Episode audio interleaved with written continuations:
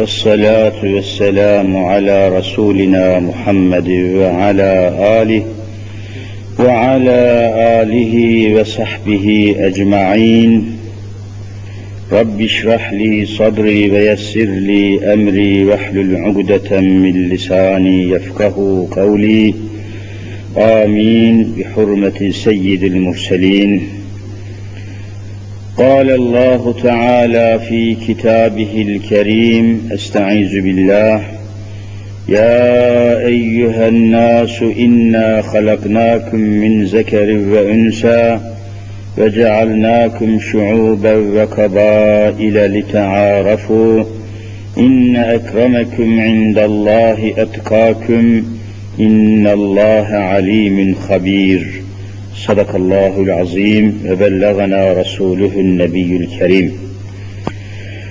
Muhterem Müslümanlar, kıymetli müminler, geçen ders üzerinde durduğumuz ayet-i kerimenin devamını ve tefsirini ve izahını yapmak suretiyle bugünkü dersimizi, sohbetimizi ikmal etmeye çalışalım. Hak Teala Hazretleri Ya eyyühen nas ey bütün insanlar yeryüzündeki aklı başında büluğa ermiş erginlik çağına girmiş bulunan bütün insanlara yer belirtmeden, mekan belirtmeden, ırkını, cinsini, rengini ifade etmeden mutlak manada bütün insanlara hitaben ya eyyühen nas yani ey bütün insanlar buyuruyor. Böyle hitap ediyor. İnna halaknakum min zekeri ve ünsa sizleri bir kadınla bir erkekten yarattık buyuruyor. Bir kadınla bir erkek tabiri var ayeti kerimede. Şüphesiz ki erkekten maksat Hazreti Adem aleyhisselam murad ediliyor, kastediliyor. Kadından maksat da Hazreti Havva validemiz kastedilmiş bulunuyor. Demek ki insanların yaratılışında yeryüzündeki beşeriyetin, insanlığın temelinde, tabanında, esasında, aslında bir kadınla bir erkek mevzu bahistir. İnsanlar bu kökten, bu temelden, bu kökenden, bu esastan çoğalmışlar ve dağılmışlardır. İnsanlığı umumuyla, tamamıyla, şumulüyle ele aldığınız zaman gide gide temelde bir kadınla bir erkeğe dayandığını görmek ve anlamak ayet-i kerimeden anlaşılıyor. Ve böylece anlatılmak istenen mana şudur. Demek ki insanlığın, beşeriyetin meydana gelişinde temelde iki unsur var. İki temel unsur. Bunlar olmazsa insanlık olmaz. Toplumlar olmaz, cemiyetler olmaz, milletler olmaz. Hepsinin temelde esası bir kadınla bir erkek. Allahu Teala yaratma nizamını insanların yaratılış düzenini bir kadınla bir erkeğin varlığına bağlamış. Demek erkek olsaydı da kadın olmasaydı bugünkü dünya üzerindeki insanlık alemi mevcut olmayacaktı. Kadın olsaydı da erkek olmasaydı yine yeryüzünde beşeriyet dediğimiz, insanlık dediğimiz varlık zuhura gelmeyecekti. Demek ki insanlığın var olması, devam etmesi, yeryüzünde varlığını sürdürmesi, üremesi, türemesi, çoğalması, büyümesi, yayılması bir kadınla bir erkeğin varlığına bağlanmıştır.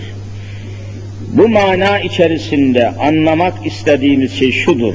İslam dinine göre, İslam inancına, Kur'an'ın getirdiği mesaja, manaya göre kadın olmazsa erkeğin bir anlamı yoktur, erkek olmazsa kadının bir anlamı yoktur. Yani kadınla erkek insanlığın tamamlayıcısıdır. Kadınsız erkek eksiktir, erkeksiz de kadın eksiktir, hiçbir şeye yaramazlar. Ancak ikisinin var olmasıyla, ikisinin bir araya gelmesiyle beşeriyetin devamı, üremesi ve çoğalması mümkün olabilir. Bu mana içinde bir diğer anlayacağımız husus, İslam inancında dini İslam'ın getirdiği vahyin ışığında ayetlerin izahında tefsirinde anlıyoruz ki Allah katında erkekler ne kadar kıymetli, ne kadar değerliyse kadın da o kadar kıymetli ve değerlidir. Değer itibariyle, kıymet itibariyle, önem itibariyle, şeref itibariyle kadının erkekten eksik hiçbir tarafı yoktur. Erkek ne kadar şerefliyse kadın da o kadar şereflidir. Erkek ne kadar değerliyse kadın da o kadar değerlidir. Kadın da Allah'ın muhatabıdır, erkek de Allah'ın muhatabıdır. Kadın da Allah'ın kuludur, erkek de Allah'ın kuludur. Kadın kadın olduğu için erkekten üstün değildir, erkek de erkek olduğu için kadından üstün değildir. Yeter ki üstünlük kadınlıkta değildir, erkeklikte değildir. Asıl üstünlük, asıl şereflilik, asıl önemli olmak, şerefli olmak, değerli olmak Allah'ın hükmünde, Kur'an'da bir esasa bağlanmıştır. Şimdi ayeti okuyorum. İnne ekremeküm indallahi etkaküm. Allah katında, indallah demek Allah indinde. Allah katında sizin en keremliniz, sizin en şerefliniz, sizin en kıymetliniz, sizin en mükerrem olanınız, şerefli olanınız Allah katında kimdir? Etkaküm, kim inandığı gibi İslam'ı yaşamaya çalışıyor, Allah'ın hükümlerine, emirlerine, yasaklarına, esaslarına riayet ediyor, itaat ediyor, Allah ile münasebetlerini kim daha iyi tanzim ediyor, taksim ediyorsa, Allah katında en şerefli olanlarınız odur. Bundan dolayıdır ki namaz kılan bir kadın, namaz kılmayan bir erkek kıyaslandığı zaman vallahi namaz kılan kadın namaz kılmayan erkekten daha şereflidir. Allah'ın emrini bilen bir kadın, Allah'ın emrini bilmeyen cumhur reisi makamında da olsa ondan daha şereflidir, kıymetlidir, önemlidir. Kadın olması onun değerine asla bir yanlışlık, eksiklik getirmez. Allah Teala ölçüyü çok muazzam koymuş. İnne ekremeküm sizin en keremliniz, sizin en değerliniz, sizin en kıymetliniz indallahi Allah indinde, Allah katında, Allah yanında en önemliniz, değerliniz, şerefliniz, kıymetliniz etkaküm kadın olsun erkek olsun onların en tekva olanı, en Müslüman olanı, en ibadet edeni, en temiz olanı, Allah'tan en çok korkanı, Allah'a en yakın olanı, Allah'ın haramlarından en çok çekineniniz, Allah'ın emirlerini en çok tutanınızdır. Sizin şerefiniz bunlardır. Yoksa makamca, mevkice, cinsiyet bakımından şeref aramak caiz değildir. Kur'an-ı Kerim ne kadar güzel esası belirtmiştir. İnne ekremeküm indallahi etkaküm bize bu haberi, bu mesajı, bu manayı, bu hakikati çok güzel öğretiyor, çok güzel telkin ediyor. O halde siyahın beyaza, beyazın siyaha üstünlüğü yoktur. Bakınız bugün dünyanın en çağdaş, en medeni, en ileri, en sanayileşmiş memleketi diye ifade edilen Amerika'da siz söyleyin içinizden siyah insanlarla beyaz insanların kavgası ve mücadelesi var mı yok mu? Var. Şu anda şerefsiz Amerika'da beyazlar, hani beyaz ırka mensup olan insanlar kendilerini siyah ırka mensup olan zencilerden daha üstün görüyorlar. İslam bunu kabul etmiyor. Kur'an bunu kabul etmiyor. Allah bunu kabul etmiyor. Hz. Muhammed Mustafa bunu kabul etmiyor. Beyazın siyaha üstünlüğü yoktur. Çünkü beyazı beyaz olarak yaratan, siyahı da siyah olarak yaratan kimdir? Allahu Teala'dır. Burada siyahın siyah olmasında siyah insanların bir rolü yoktur. Kusuru yoktur, eksiği yoktur, noksanı yoktur.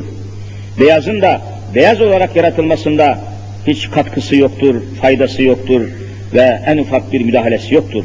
Yaratan Allah olduğu için beyazı beyaz yaratmıştır, siyah siyah yaratmıştır. Siyahı siyah olduğu için hor gören adam Allah'ın yaratmasını hor görmüştür. Allah'a sataşmıştır. Allah'ın yaratma nizamına müdahale etmeye kalkmıştır ki bu fevkalade bir sapıklık ve fevkalade bir dalalet olmaktadır.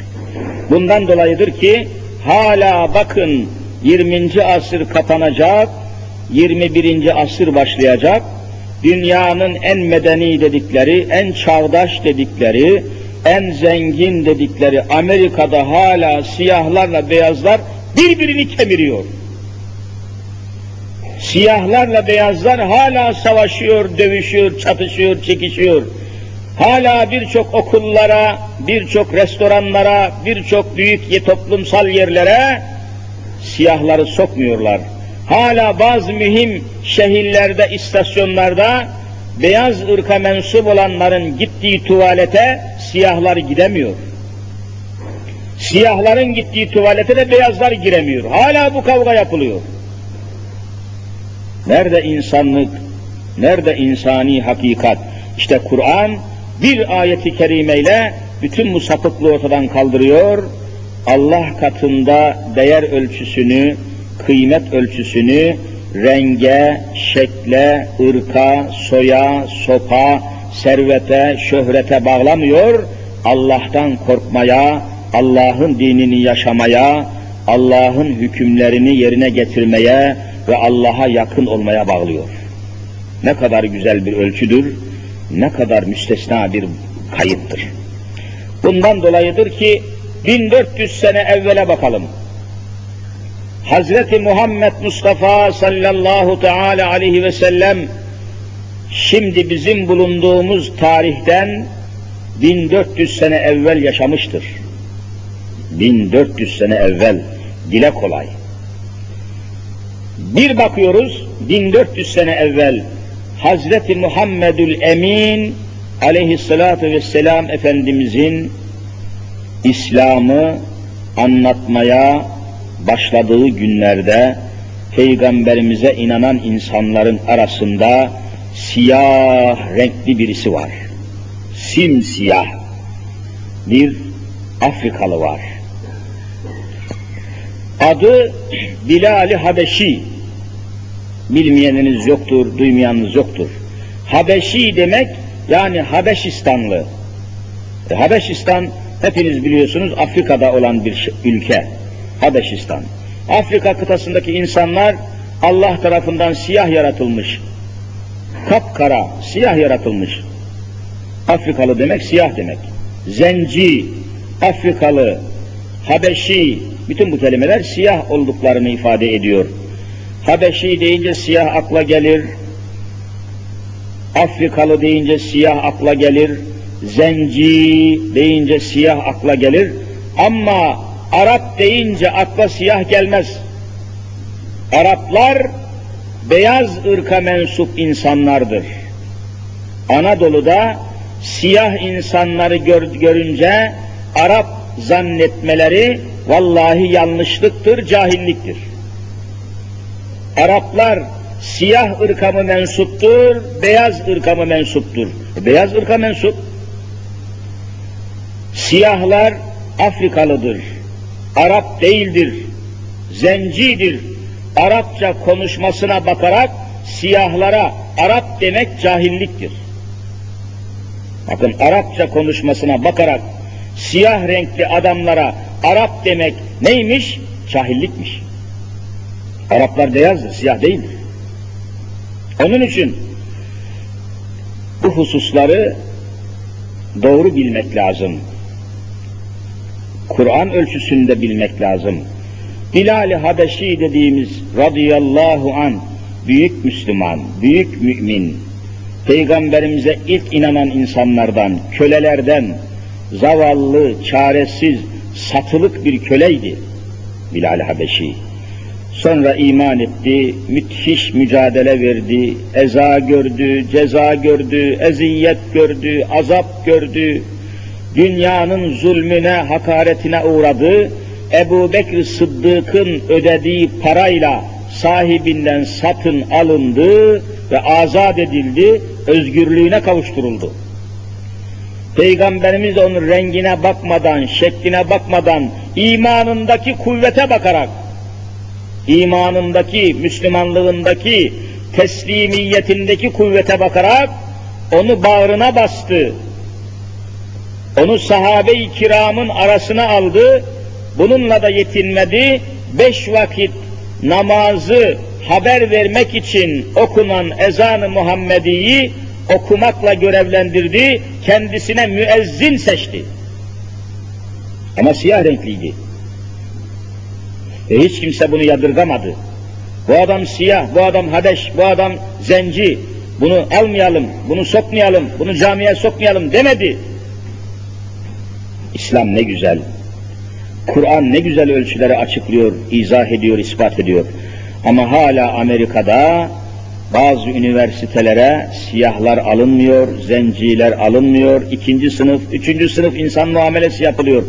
Bu duruma göre medeni dedikleri Amerika, 1400 sene evvelki, evvel nazil olan Kur'an'a göre, 1400 sene evvel tebliğ edilen İslam'a göre, bugünkü Amerika, İslam'ın önünde mi arkasında mı? İslam medeniyeti nasıl telakki ediyor? Amerikan medeniyeti nasıl telakki ediyor? Bakıldığı ve mukayese edildiği zaman Amerikan medeniyeti İslam medeniyetinden 1400 sene geriden takip ediyor. 1400 sene evvel siyahlar ve beyazlar kardeş olmuş, sarmaş dolaş olmuş, asla ayrım yapılmamış, hakaret edilmemiş, siyah müminlerle beyaz müminler sarmaş dolaş olmuş, barış içinde yaşamış, kardeş olmuşlar, dost olmuşlar, sahabe olmuşlar, beraber olmuşlar, beraber yaşamışlar. Bir o günkü cemiyete bakın, 1400 sene evvelki cemiyete, bir de şimdiki Amerika'ya bakın. Siyahlar kavga ediyor beyazlarla, beyaz polisler siyahları dövüyor, mahkemeye sürükleniyor, yağma ediyor, eziyorlar, eziyet ediyorlar. Bu ölçüler içerisinde düşündüğünüz zaman, Amerikan medeniyeti, vallahi İslam medeniyetinden 1400 sene geri kalmış ve geriden takip etmek durumunda kalmış bir hadise olarak önümüze çıkıyor. Cenab-ı Hak işte bu Kur'an ile insanları terbiye ediyor. Bizim değer ölçülerimiz Kur'an'a göre ifadesini bulmuştur. İnsanlara nasıl kıymet vereceğimizi, neye göre kıymet vereceğimizi, bakın bugün Kur'an'dan uzaklaşan toplumlara bakın. Kur'an ahlakından, Kur'an ahkamından, Kur'an esaslarından uzaklaşmış toplumlara bakın, insanlara değer verirken hangi ölçüleri kullanıyorlar? Kimin serveti çoksa, kimin parası, kimin milyarları, kimin trilyonları çoksa en değerli, en güçlü, en kıymetli insanlar bunlardır şeklinde bir telakki var. İnsanları servetlerine göre değerlendirmeye kalkıyorlar. Makamlarına göre, mevkilerine göre, efendim diyor çok büyük adam diyor, devlet bakanı diyor.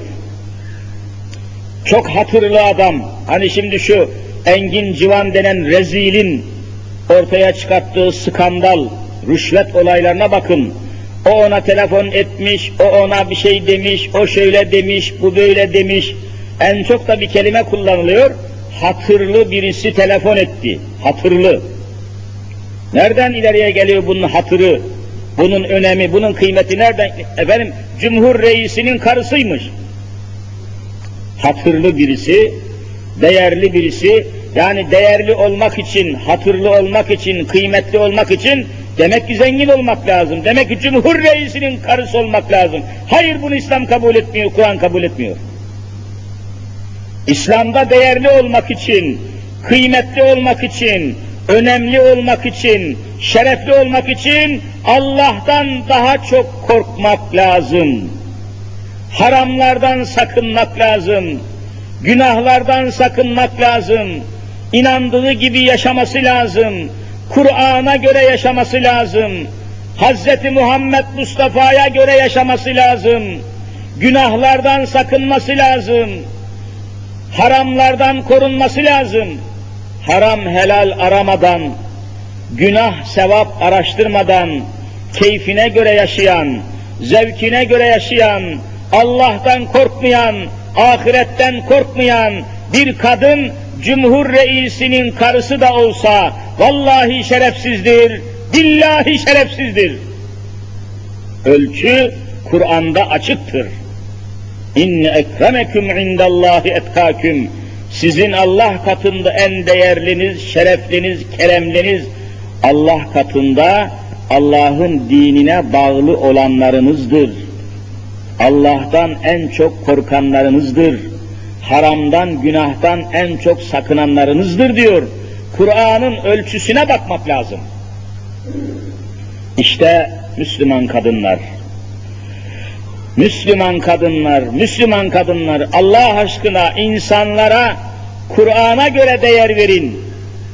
Fakirdir diye, varlığı yoktur, serveti yoktur diye insanlara hor bakmayın, hakaret etmeyin, alay etmeyin, gevşek davranmayın, insanlık ayarlamasını Kur'an'a göre yapın.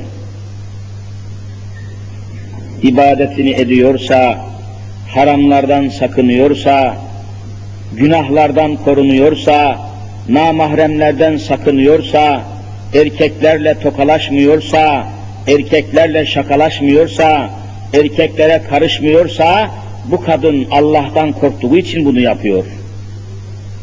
Allah'ın hükmüne itaat ettiği için böyle yapıyor. Eğer zina etmiyorsa, haramlara girmiyorsa, günahlara girmiyorsa Allah'tan korktuğu için böyle yapıyor. Ahirette hayatının hesabını Allah'a vereceği için bunu böyle yapıyor. Yoksa keyfinden, zevkinden olsaydı o da başkaları gibi haramlara, günahlara dalardı. Demek ki haramlardan korunmak, kaçınmak, sakınmak, çekinmek Allah'tan korkmanın alametidir. Allah'ın azabından, gazabından, cehenneminden, hesap gününden, mahşer gününden korkmanın alametidir. Niye bir Müslüman tepeden tırnağa örtünüyor bu kadın? Niye Müslüman kadınlar başörtüsünü ısrarla başlarına koymaya çalışıyor? Keyiflerinden mi? Hayır, vallahi değil. Allah'ın kitabında Allah öyle emrettiği için, öyle hükmettiği için, öyle arzu ettiği için kullil müminati Müslüman hanımlara söyle Habibim, Müslüman kadınlara söyle ey Muhammed Mustafa'm, söyle ki vel yadribine bi humuruhinne ala cuyubihinne. Yabancı erkeklerin bulunduğu çarşıya, pazara, şuraya, buraya giderken, girerken Müslüman hanımlar tepeden tırnağa giyinsinler, başlarına başörtülerini yakalarının altına uzayacak şekilde koysunlar diye Kur'an'da Allah'ın emri var diye örtünüyorlar. Bir Müslüman kadın keyfinden mi örtünüyor? Eksiği var diye mi? Noksanı var diye mi? Başında kel var diye mi? Saçları dökülmüş diye mi? Çirkin diye mi? Başkasını aldatmak için mi? Hayır, hayır. Allah böyle emrediyor diye başına başörtüsünü koyuyor. İşte bu kadın şereflidir. Allah'ın emrini dinleyen, Allah'ın hükmünü uygulayan kadın, Allah'ın emrini dinlemeyen kadından vallahi daha şereflidir, daha kıymetlidir, daha önemlidir, daha ciddiyetlidir, daha cibilliyetlidir, daha şahsiyetlidir, daha iffetlidir, daha nimetlidir, daha kıymetlidir. Cemiyetin kıymet ölçüsü bizi alakadar etmez. Kur'an'ın ortaya koyduğu kıymet ölçüsü önemlidir. Çünkü bugün insana servetinden dolayı, şöhretinden dolayı kıymet verenler, bir gün bakıyorsunuz ki o insan servetini kaybedince artık o insanlar o adama önem vermiyorlar. Şöhretini kaybedince, servetini kaybedince daha önce onun etrafında dolaşan insanlar o adamı yalnız bırakıyorlar mı, bırakmıyorlar mı? Ha bak, değer ölçüsü bakın neyle alakalıymış. O halde Müslüman hanım kardeşlerimiz Allahu Teala Kur'an'da çok esaslı, çok mükemmel hükümlerle, değerlerle insani yapımızı izah ediyor. Bu sebepten dolayıdır ki kadın kadın olduğu için, erkek de erkek olduğu için birbirlerine karşı asla kibirlenemezler. Yani erkeğin kadına, kadının da erkeğe üstünlüğü mevzu bahis değildir. Erkek erkek olduğu için kadından üstün değil. Kadın da kadın olduğu için erkekten aşağı değildir. Vallahi Kur'an bunu kabul etmiyor. Kur'an bunu kabul etmiyor. Kadın eksik değildir. Kadın noksan değildir. Kadındaki nimetler erkekte yoktur. Erkekte olan kadında yoktur. Kadın erkeği tamamlıyor, erkek kadını tamamlıyor. Birbirini tamamlamak için Allah yaratmıştır. Birbiriyle çekişsinler diye, kapışsınlar diye, çatışsınlar diye Allah kadını erkeği bu maksatla yaratmamıştır. Bakın bugün Türkiye'mizde ve dünyanın bazı bölgelerinde kadın erkek arasında kast-ı mahsus ile suni olarak yapmacık bir çatışma ortaya koyuyorlar. Kadın haklarıymış, kadın özgürlüğüymüş, kadınlar da istediği gibi yaşamalıymış, istediği kadar erkeklerle ilişki kurabilmeliymiş. Şimdi bunu savunuyor bir takım kafirler, bir takım zalimler, bir takım sapıklar. Türkiye'de basında, yayında, televizyonda, medyada, şurada, burada konferanslarla, panellerle yaymaya çalıştıkları konu efendim kadınlar özgür olsun. Kadınlar özgür olsun. Yani ne olsunmuş? Şunu anlatmaya çalışıyorlar. Yazık değil miymiş bir kadın bir erkekle nikahlanıp ömrünün sonuna kadar o erkeğin nikahında kalmak kölelikmiş. Nikahı kölelik kabul ediyor kafirler. Yazık değil miymiş diyor bir kadın bir ömür bir erkeğe niçin bağlı kalsın ya? İstediği erkekle yatıp kalksın, gezsin, dolaşsın, hayatını yaşasın, zevkini yaşasın, keyfini yaşasın. Bir erkeğin nikahına niçin bağlı kalıyor bir kadın? Kölelikmiş, esirlikmiş, tutsaklıkmış. Nikah doğru değilmiş. Nikaha ne lüzum varmış? Allah niçin karışıyormuş kadınla erkeğe? Bunu yaymaya çalışıyor zalimler, kafirler, fasıklar, facirler, katiller. Toplumu yıkmaya çalışıyorlar. E peki nasıl yürüyeceksiniz? İnsan toplumları nasıl çoğalacak, nasıl yayılacak? Zürriyet nereden hasıl olacak? Nikahı kaldırın, evliliği kaldırın, her tarafı zina işgal etsin. Nasıl çocuk hasıl olacak, nasıl doğum olacak? Allah insanların üremesini, çoğalmasını bir kadınla bir erkeğin bir araya gelmesine bağlamış. Bir kadınla bir erkeğin bir araya gelmesini de Kur'an-ı Kerim neye bağlamış? Nikaha bağlamış. Nikah olmadan yabancı bir kadın bir erkek bir araya gelemez. Nikah olmadan bir kadın bir erkekle asla bir araya gelemez. Nikah olmadan birleşemezler. Nikah olmadan tokalaşamazlar. Nikah olmadan asla bir araya gelemezler. Halvette kalamazlar, beraber olamazlar. Nikahsız olursa bunun adına zina denir, bunun adına fuhuş denir. Demek ki toplumda zinayı yaymak istiyorlar. Bir takım deyyuslar, bir takım şerefsiz insanlar, zenginler, servet sahipleri bu konuları, bu mevzuları yayarak kadınları nikahın altından çekip sokağa atmak istiyorlar. Zinaya sürüklemek istiyorlar. Fuhşa sürüklemek istiyorlar. Ve hayatın nikahın dışında olduğunu anlatmaya çalışıyorlar. Öyle değil mi Müslüman hanım kardeşlerim? Çok af buyurun, beni mazur görün, beni kınamayın, ayıplamayın. Size bir kelimeden bahsedeceğim. Bugün umumhanelerde çalışan kadınlara bir isim takmışlar. Nedir? Siz iyi bilirsiniz. Genel evlerinde çalışan kadınlara ne diyorlar? Hayat kadını, hayat, hayat, haşa. Genel evlerinde çalışan kadınlara hayat kadını demiyorlar mı gazeteciler? Şerefsiz gazeteciler. Namussuz gazeteciler. Hayat kadını diyorlar. Aslında fuhuş kadını demek lazım. Fuhuş kadını diyeceği yerde ne diyor? Hayat kadını diyor. Yani fuhşun adını hayat koymuş. Hiç fuhuş hayat olur mu ya? Fuhuş hayat olur mu?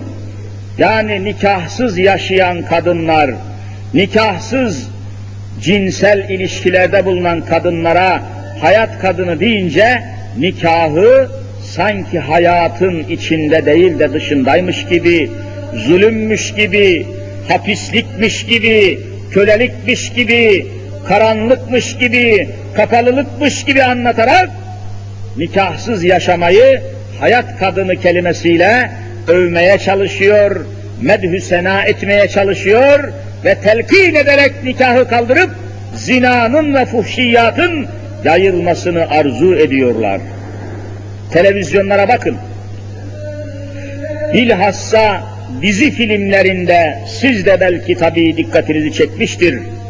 Brezilya'dan, Meksika'dan ithal edilen ve pembe diziler dedikleri, pembe dizi dedikleri dizi filmlerinde her gün saat 10'da şu saatte başlayıp devam eden 50 dizi, 60 dizi, 100 dizi devam eden bu Hristiyan filmlerine bakın. Brezilya, Arjantin, Meksika ve Amerika kökenli filmlere bakın. Devamlı olarak bir kadının birden fazla erkeklerle ilişkilerini anlata anlata bitiremiyorlar. Ve ey kadınlar bir erkeğe bağlı kalmayın. İstediğiniz erkeklerle istediğiniz gibi yaşayın fikrini aşılamaya çalışıyorlar. Bu filmlerle, bu dizi filmleriyle, bu pembe filmler dediğimiz yayınlarla Müslüman kadınlarını nikahtan, aileden, erkeğinden, yuvasından, yavrularından koparıp sokağa çekmek, rezalete çekmek, cinayete çekmek için ellerinden geleni yapıyorlar. Bütün servetlerini, televizyonlarını, reklamlarını, paralarını sarf ediyorlar. Allahu Teala bu türlü kafirlerin şerrinden, hilesinden, desisesinden, gayretlerinden Müslüman kadınları muhafaza buyursun. Çok dikkat etmek lazım, çok uyanık olmak lazım, çok hesaplı hareket etmek lazım. Bütün bunların yaptıklarının gizli maksatlarını sezmek ve anlamak lazım. Gafil olmamak lazım, cahil olmamak lazım, yanlış yapmamak lazım. Bir kere bir Müslüman kadın kaydı mı toparlanması mümkün olmuyor. Kadınların telef olması çok çetindir. Kadınların ayaklar altında kalması, bir sefer aldanması onun hayatına mani oluyor, onun dönüşüne mani oluyor. Ortada kalıyor, sokakta kalıyor, kötü yola düşüyor ve bir hata bir kadının hayatını boydan boya rezil ediyor, haram ediyor. Evinize bağlı kalınız. Allahu Teala bir Müslüman kadını evine, ve Müslüman kocasına bağlı kalmasını emrediyor. Bakın size bir fıkıh hükmü söyleyip sohbetimi toplayacağım.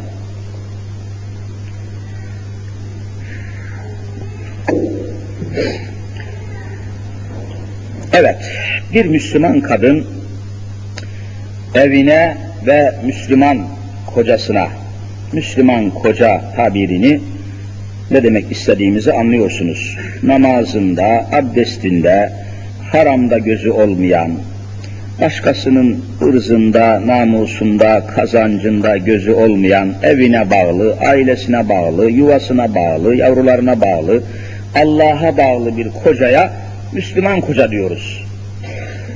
Müslüman koca. Evet, böyle bir Müslüman koca, bir kadın bu kocasına bağlı kalacak. İtaat edecek. Evin düzeni için, ev hayatının devamı için, evliliklerinin yıkılmaması, parçalamaması, ev ve aile birliklerinin bozulmaması için kadın kocasına itaat edecek.